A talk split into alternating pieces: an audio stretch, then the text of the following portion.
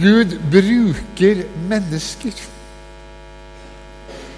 Det går en slags legende om da Jesus, etter at han hadde vært på jorden, kom opp til himmelen. Og så spurte noen engler han på veien opp hva slags plan har du for det videre arbeidet på jorden? Jo, sier Jesus etter legenden, jeg har valgt ut tolv apostler. Og de skal dra rundt på jorden og forkynne evangeliet så mennesker kommer til tro. Og så ser engelen meget skeptisk ut. Ja, men hvis de svikter, hva slags plan har du da? Da har jeg ingen annen plan? svarte Jesus ifølge legenden. Tenk så risikabelt! Og vi som kjenner de apostlene, den stortalende Peter, hissigproppen Jakob og Johannes, tvileren Thomas, Peter som var eh, ja, stor i kjeften. Det er deres oppdrag. Kan du huske Kornelius, den første hedning som tok imot evangeliet? er ikke den første. Jesus møtte også noen hedninger, men i apostlenes gjerninger. Kornelius bodde i byen Cesarea, som den store kong Herodes hadde bygd opp til ære for keiseren i Rom. Og så åpenbarer en engel seg for Kornelius. Hva sier engel? Han sier til Kornelius, 'Send bud på Peter. Han skal komme og forkynne evangeliet for deg.' Og da tenker jeg, Hvorfor kunne ikke engelen forkynne evangeliet med det samme han var der? Ville ikke det vært litt mer sus i det? Men så sier altså engelen send bud på mennesket Peter. Så la nå han komme og forkynne evangeliet for dem. Tilbake til de tolv apostler. De vandret altså flere måneder sammen med Jesus mens Jesus var i legemlig skikkelse og vandret omkring på jorden. Og når vi møter apostlene etter første påskedag, så møter vi noen forvirra mennesker. Noen tafatte mennesker. Noen skuffa mennesker. Noen redde mennesker. Men den første pinsedag så opplever de at Den hellige ånd faller over dem. Og fra og med kapittel 2 i apostlenes gjerninger så ser vi noen disipler som er radikalt forandra. I stedet for å være så redde at de gjemte seg og lukket vinduer og dører, så sto de altså frem og forkynte evangeliet. Og når myndighetene i Jerusalem grep tak i dem og stilte dem for retten, og etter hvert også pisket dem, så følte de som en ære å lide for den Herre og Mester de trodde på. Det hadde skjedd noen ting. Gud hadde utrustet dem. Den hellige ånd falt på dem den første pinsedag. Og Så har vi noen eksempler i Det nye testamentet på at Den hellige ånd faller flere ganger. Når de kristne var samla igjen til bønnemøte i forfølgelsestider i slutten av kapittel 4 i Apostlenes gjerninger, så opplever de at Den hellige ånd faller over dem enda en gang. Så kommer frimodigheten. Så drev man i den første kristne menighet, for det var mange lutfattige mennesker i Jerusalem. Så det tok ikke så lang tid før menigheten måtte drive med matutdeling. Og så var det allerede blitt to grupper i menigheten. Det var de som hadde vært jøder først før de ble kristne, og så var det de som ikke hadde vært jøder, men rett og slett hedninger før de ble kristne. Og der det er to grupperinger, der blir det misunnelse og strid og splid. Så de jødekristne de var helt sikre på at de hedningekristne fikk mer mat. Og de hedningekristne var like skråsikre på at de jødekristne fikk mer mat. Så det ble litt av en spenning. Det er da apostlene sier vi som skal forkynne, kan ikke bruke tid på det. Vi skal ha noen som kan dele ut mat, og gjøre det på en skikkelig måte. Og Hvis du og jeg tenkte slik som vi pleier å gjøre, så vil jeg si matutdeling, altså det å dele ut kneippbrød eller suppe, det kan hvem som helst gjøre. altså. La oss finne noen nye, ferske kristne. De trenger å få en oppgave for å føle seg velkommen i denne menigheten. Det tenkte ikke apostlene. De tenkte til og med til denne matutdelingen trenger vi mennesker som er fulle av ånd og visdom.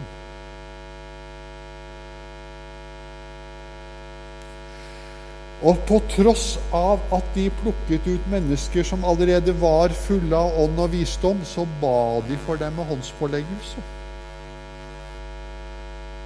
Slik at de skulle få gave til å kunne dele ut mat. Og visdom i den forbindelse, det kan man skjønne hvis du har prøvd å dele ut noen ting til en menighet der det er strid og splid, så vet du at da trenger du litt av hvert av åndsutrustning. Det kommer godt med. Gud slo ned Paulus i ørkenen da han var på vei til Damaskus. Paulus fikk sitt livs overraskelse, han som var en motstander av de kristne. Han ble kalt til å være apostel. Og så la Barnabas hendene på han og ba for han, og han ble fylt av Den hellige ånd. Noen år deretter så står Paulus på Kypros. Han skal slåss med en trollmann. Da trenger han fornyet åndsutrustning, så han blir fylt av Den hellige ånd en gang til Og så kan han fighte med trollmannen. Og så videre, og så videre. Alt det som har med det åndelige å gjøre, det makter ikke du og jeg å gjøre noe med. Jeg har studert teologi i sju år. Kan et teologistudium hjelpe meg til å skape tro i deg? Svaret er nei. Det er bare Den hellige ånd som kan skape tro i deg. Men så kan det hende at Den hellige ånd av en eller annen ubegripelig grunn vil bruke meg. Mens Den hellige ånd går på vei fra Gud og bort til deg. Men det er det altså ikke jeg som gjør det, men det er Den hellige ånd som gjør det gjennom meg. Men syv års teologisk studium kan ikke sette meg i stand til å gi deg tro. Det er det faktisk bare Gud som kan gjøre. Men kanskje Gud kan gi meg en gave til å hjelpe deg til tro? slik at det er Han som bruker meg, da er vi i nærheten av en nådegave. Eller om du allerede er en troende, kan jeg hjelpe deg til å vokse i tro og helliggjørelse? Nei da. Men Gud kan. Og Så er det store spørsmålet hvem vil da Gud bruke til å hjelpe deg til å vokse og bli helliggjort? Antagelig vil han bruke mennesker. Hvem? Hvis du er syk, kan jeg da gjøre deg frisk? Nei da. Men Gud kan. I kapittel 3 i Apostlenes gjerninger så står den første beretningen om da apostlene, Peter bl.a., vandret i Jerusalems gater og møtte på en syk som trengte å bli helbredet. Og Da gjør Peter den syke veldig oppmerksom på nå må du ikke innbille deg at det er vi som gjør dette her. altså. Nei, men om det er Det er Gud som gjør det. Men så bruker han oss. Nå får du den enkle gjenfortellingen. Les kapittel 3, og les sjøl hva som egentlig står i Bibelen. Men dette var den enkle, lettfattelige utgaven. Nådegaver er det Gud gir til mennesker for at han skal få gjort sin gjerning i menigheten innad og i evangelisering utad. Du og jeg kan lage verdens flotteste organiserte forsamling. Det kan du gå på BI nesten for å lære. Men du greier ikke å få troen i den forsamlingen før Den hellige ånd virker. Du kan gå på BI til krampa tar det. Men det er Den hellige ånd som skaper tro. Og hvis du har tenkt å vinne noen for Gud, så er du desperat avhengig av at Den hellige ånd gjør det gjennom deg. Og Nå skal vi ta for oss noen bibelsteder, og vi skal starte med 1. Peters brev, kapittel 4, vers 10 og 11. Og Den oversettelsen jeg leser fra, er ikke helt identisk med den som står på skjermen, men i sak er de helt hjertelig enige, så unnskyld forskjellene. Tjen hverandre, hver og en med den nådegave han har fått, som gode forvaltere av Guds mangfoldige nåde. Den som taler, skal se til at han taler som Guds ord. Den som tjener, skal tjene med den styrke Gud gir. Slik skal Gud i ett og alt bli æret ved Jesus Kristus. Han tilhører herligheten og makten i all evighet. Amen. Tjen hverandre. Tanken i Bibelen er stikk i strid med hva vanlige mennesker tror. Også på denne tiden så var det slik at det føltes litt mindreverdig å være tjener. Skulle du være stor, så skulle du være herre. En av de store filosofene kunne altså til og med si jeg skjønner ikke at noen mennesker kan være lykkelig hvis de har en tjenerfunksjon. Og så kommer Jesus til jord, og så snur han opp ned på det hele og sier han jeg er ikke kommet for å herske, men for å tjene. Og så sier han til disiplene sine det er sånn dere også skal være. Vær nå ikke så opptatt av at folk betjener dere, men vær opptatt av at dere skal tjene andre. Tjen hverandre, var innledningen til disse versene. Og legg merke til ordet 'hverandre'.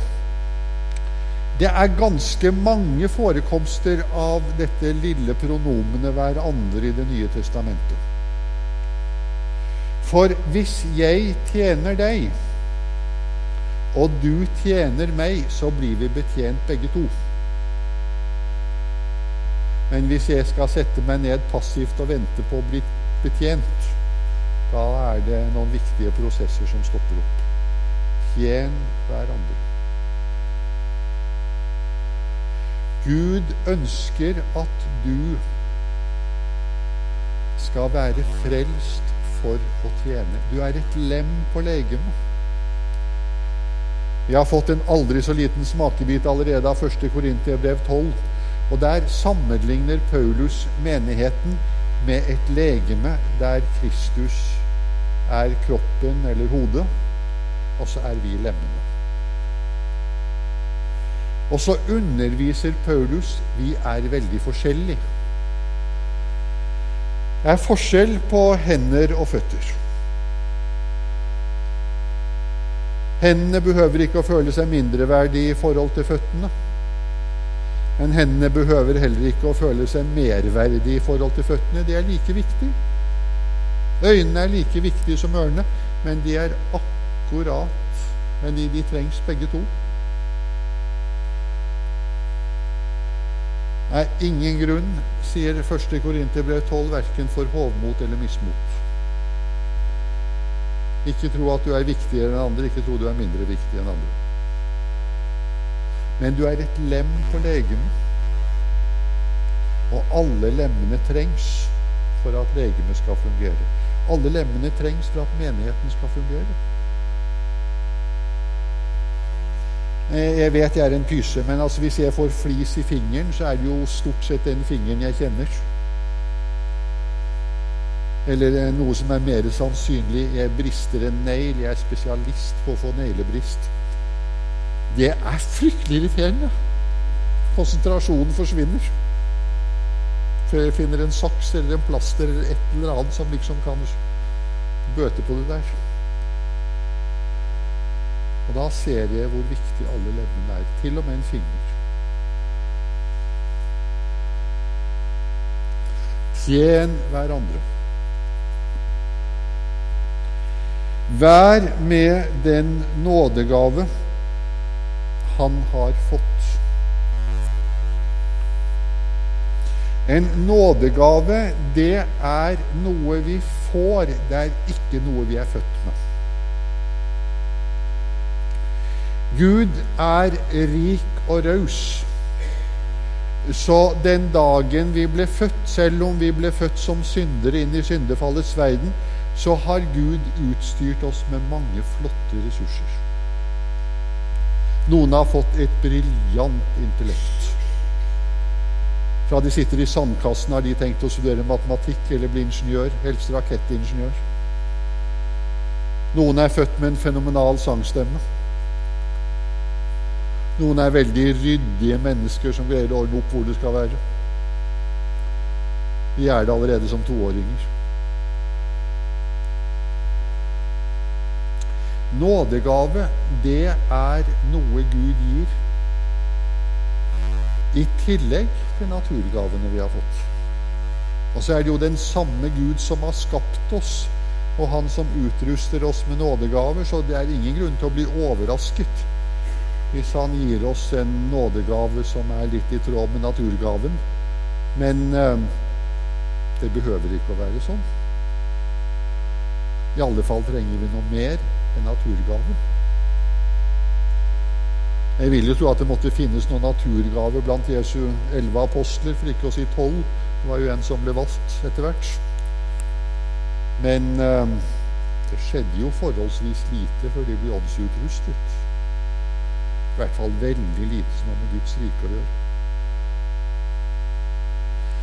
Tjen hverandre, vær med den nådegave han har fått som gode forvaltere av Guds mangfoldige nåde.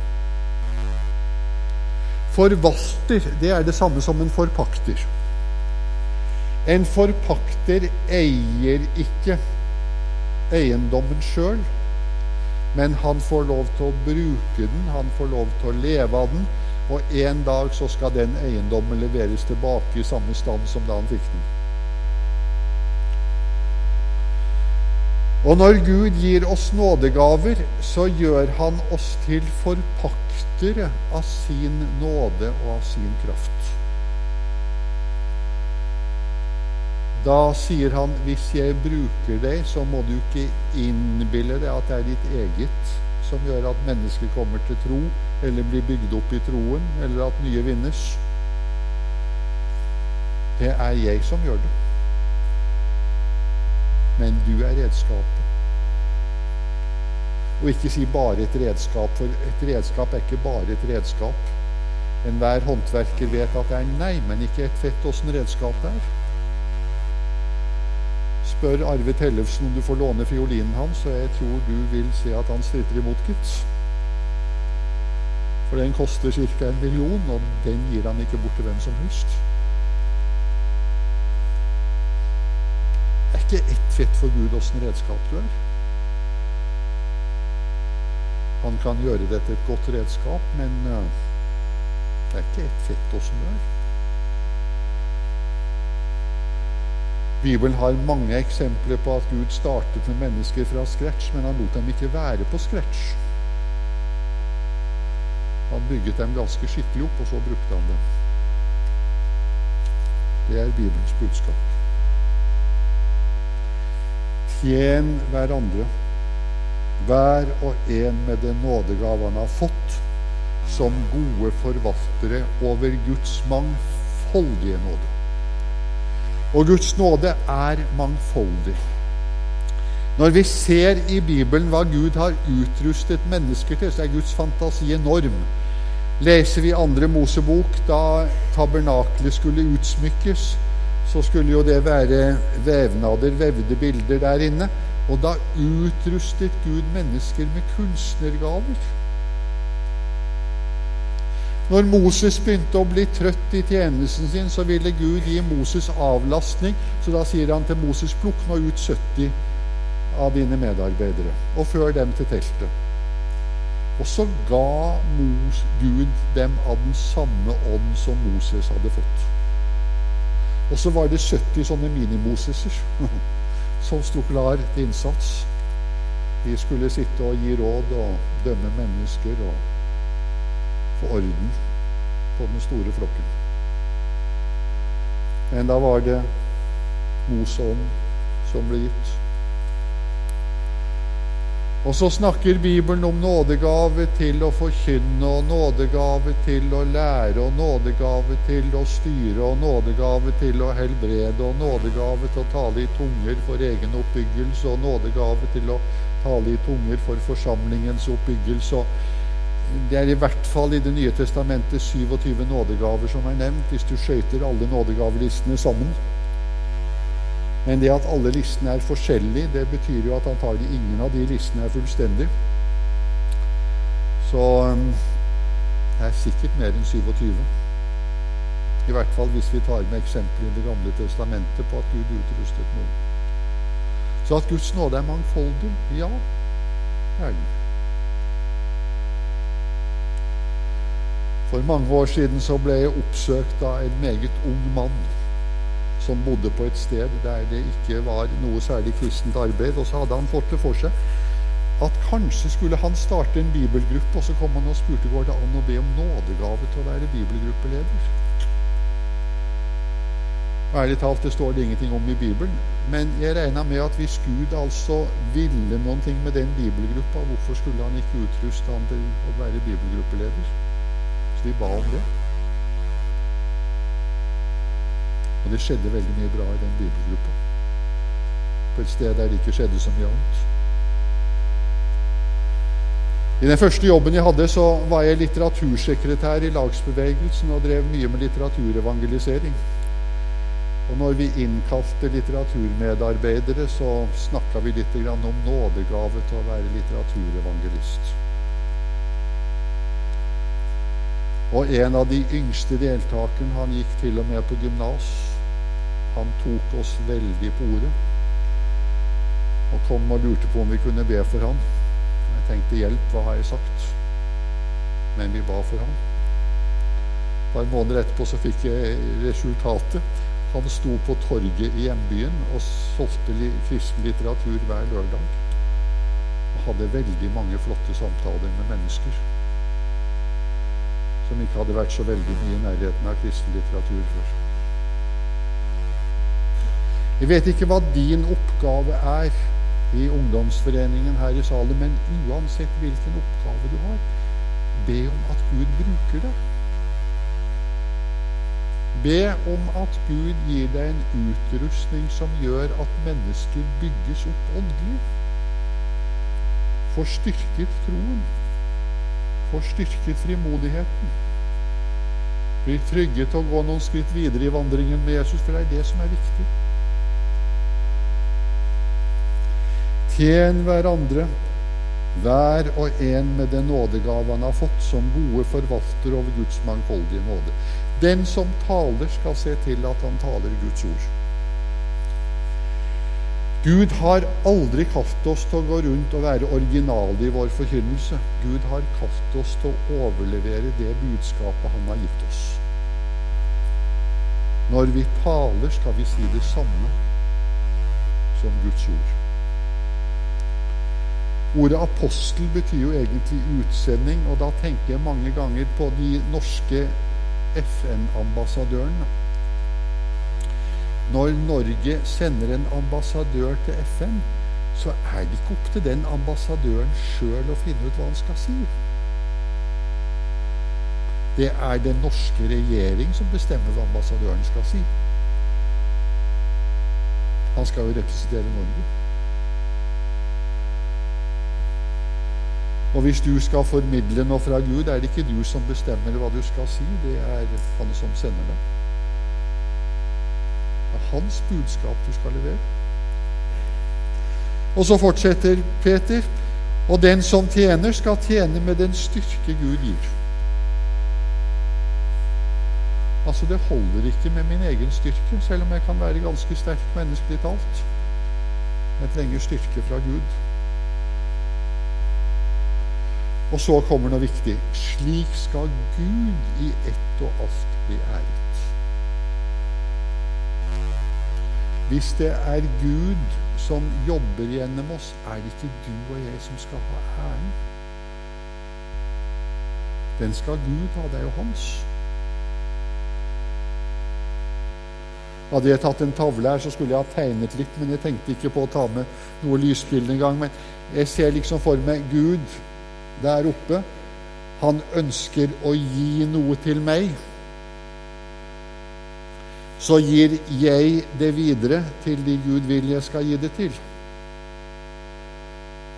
Og så går takken opp til Gud. For det de får, er jo opprinnelig fra ham. Så det er jo han som skal ha takken og æren, ikke jeg. Det er jo ikke meg det kommer fra opprinnelig. Det er han. Disse to versene i 1. Peter 4 de er skikkelig innholdsrike. Så um, de må du gjerne dvele med. Nå skal vi ta enda et lite avsnitt fra Bibelen, og denne gangen fra Efeserbrevet, kapittel 4. Vers 11 og utover. Og det var han, altså Jesus, som ga noen til å være apostler, noen til profeter, noen til evangelister, noen til hyrder og lærere, for å utruste de hellige til tjeneste, så Kristi kropp bygges opp, inntil vi alle når frem til enheten i troen på Guds sønn og i kjennskap til Han, og blir det modne mennesket som er fullvoksent og har hele Kristi fylde. Så skal vi ikke lenger være umyndige småbarn. Ikke la oss kaste hit og dit og drive omkring ved hvert eneste vindpust av ny lære, så vi blir et bytte for menneskers falske spill og listige, forførende knep. Altså, Gud har gitt gaver, og her nevnes apostler, profeter, evangelister, hyrder og lærere. Flott! Har vi apostler, profeter, evangelister, hyrder og lærere, hurra, da kan resten av menigheten sitte ned og slappe av. Galt. Hvis Gud utruster apostler, profeter, evangelister, hyrder og lærere, er det for at menigheten skal utrustes til tjenestegjerning. Da er det vi som har fått den jobben, som har i oppdrag å sette fart i deg. Jeg vet ikke om du har hørt om denne evangeliseringsbevegelsen som heter Navigatørene. Jeg var en gang aktivt med der, men det begynner å bli noen år siden. Navigatørene har en sånn rørende historie som de forteller når de skal liksom si noe om sin egen opprinnelse. Det var en sjømann som en gang kom til en kristen og ville ha hjelp til å komme til tro og bli et Guds barn. Og denne kristne hjalp sjømannen til å komme til tro. Og sjømannen går glad fornøyd bort. Han er frelst og gjenfødt og har fått et nytt liv. Neste dag kommer sjømannen tilbake, og så sier han til den kristne du må også hjelpe en av kameratene mine til å bli kristen. Og så sier sjømannen noe skikkelig overraskende. Han sier, 'Nei, jeg vil ikke hjelpe han til å bli en kristen.' Men jeg vil hjelpe deg til å hjelpe kameraten din til å bli en kristen. Den var overraskende. Og så ble navigatøren en bevegelse. Der man tenkte at hvis en person blir kristen, så er noe av det første man må lære den personen du skal gå ut og hjelpe andre til å bli kristne. Er det ikke vidunderlig? Han satte noen til apostler, noen til profeter, noen til evangelister, noen til hyrder og lærere for å utruste de hellige til tjenestegjerning.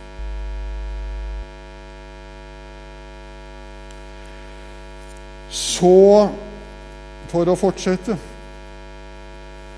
Så Kristi kropp bygges opp. Der var det legemetanken igjen. Når Paulus forkynner om menigheten, så har han to bilder, og de bildene flyter sånn i hverandre, altså at vi blir litt forvirra av og til. Han snakker om at vi skal bygge hus, og så snakker han om et legeme.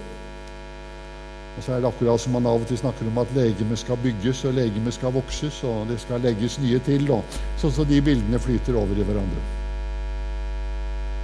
Men her snakker han altså Kristi kropp skal vokse. Og den skal vokse i antall.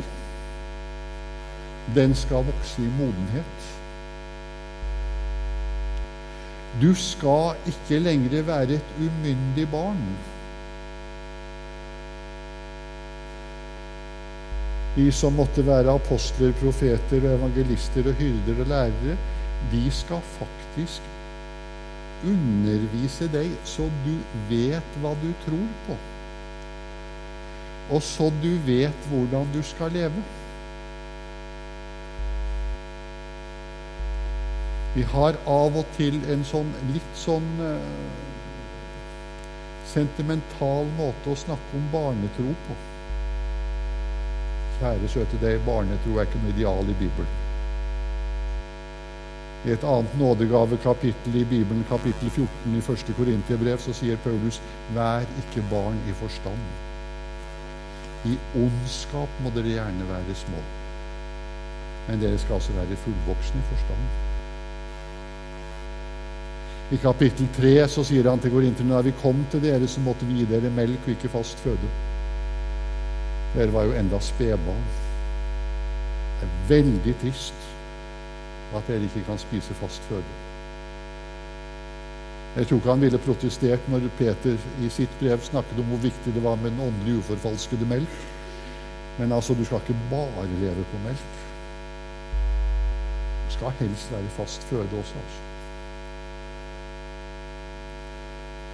Nå skal du altså bygges opp inntil vi alle for å utruste de hellige til tjeneste, så Kristi kropp bygges opp inntil vi alle når frem til enheten i troen på Guds sønn i kjennskap til Han og blir det modne mennesket som er fullvoksent og har Kristi fylde.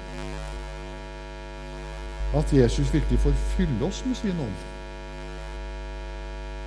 Og du og jeg, vi fikk ånd den dagen vi ble kristne. Men Bibelen utfordrer de som allerede er kristne og har fått Den hellige ånd, til å bli fylt av ånden. Det er en viktig bibelsk formaning. Så skal vi ikke lenger være umyndige småbarn. Ikke la oss kaste hit og dit og drive omkring ved hvert eneste vindpust av ny lære, så vi blir et bytte for menneskers falske spill og listige, forførende knep. Jesus vil gjøre deg til en myndig kristen. At du skal vokse fullmoden. Nå må jeg gå inn for landing, skjønner jeg. Men uh, et par ting til slutt. Paulus formaner de kristne strev etter de åndelige gaver. Det er faktisk ikke slik at du bare skal passivt sitte og vente på at de ramler i huet på deg helt av deg sjøl. Du skal få lov til å strebe etter dem.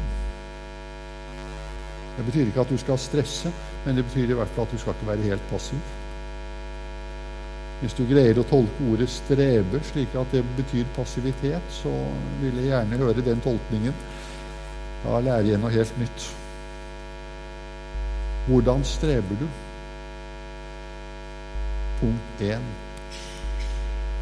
Begynn å be om at Gud utruster deg, og at Gud vil bruke deg. Hvis det er en nådegave du tror at du gjerne vil at han skal gi deg, så be om å få den gaven. Eller du kan komme til han og si at 'jeg vet ikke hva du vil bruke meg til, men jeg vil veldig gjerne at du skal fortelle meg hva du skal bruke meg til, og at du utruster meg til det'. Punkt 1. Begynn å be. Punkt to. Bibelen har noen eksempler på at Gud gir sine gaver gjennom forbønn med håndspåleggelse. Du kan rett og slett bli bedt for. Og hvis du tror at du trenger forbønn for å gå inn i en tjeneste eller bli utrustet til en tjeneste i menigheten, så gå til dine ledere og be om konkret forbønn. Bibelen har altså eksempler på det. Og så skal vi som menighet få lov til å be om at Gud gir oss i fellesskapet de gavene vi trenger. Det er det tredje. Og husk, når vi ber om nådegaver, så er det altså ikke for at vi skal smykke oss med dem. Eller for at de bare skal være til gagn for deg sjøl. De skal være til gagn for fellesskapet. Det er bare én nådegave du får, kun for din egen oppbyggelse. Og det er tungetale til egen oppbyggelse. Den gir Gud deg for at du skal bruke den på ditt lønnkammer. Det er noe annet enn den tungetalen som skal fremføres i forsamlingen og tydes. Men den nådegaven vil Gud gjerne gi deg for din oppbyggelse. Og så sier ikke Bibelen, så langt jeg kan se det som vi hører i enkelte miljøer, at dersom du er en skikkelig kristen, så vil du garantert få tungetale. Jeg tror ikke vi kan få Bibelen til å si det. Men det jeg tror vi kan få Korinterbrevet til å si, at det er ganske mange Gud har gitt den gaven. Og i miljøer der vi tør å snakke om det, så er det fremdeles ganske mange som får den. Så hvis du har lyst på den, så vær frimodig og be om den. Da har jeg vel brukt tida jeg skulle ha fått, og vel så det. Lykke til. Våg å tro at Gud ønsker å bruke deg. Og hvis han har tenkt å bruke det, har han ikke tenkt å bruke det i din egen kraft. Da vil han gi deg utrustning. Hvis han vil det, så våg å komme til han og be han om det. Ordet nådegave er satt sammen av to ord, nåde og gave. Det er to ganger gratis. Nådegave er ikke noe du får som belønning for lang og tro tjeneste. Nådegave er noe du får i starten av en lang og tro tjeneste. Hvis du fikk den som belønning, var det like dumt som å gi soldater våpen etter at de har vært ute i krigen. Soldater får våpen når de skal ut i krigen. Det er det du og jeg trenger. La oss be. Ja, allmektige, gode Gud, du kjenner oss. Du vet, Herre, at arbeidet vårt kunne vært sterkere og enda mer preget av deg. Så ber vi, Herre, at du gjør oss villige til å stille oss frem for deg. Og be om at du bruker oss når du vil, hvor du vil, og som du vil. Gi oss mot til å be den bønnen, Herre. Til din ære og til vår. Amen.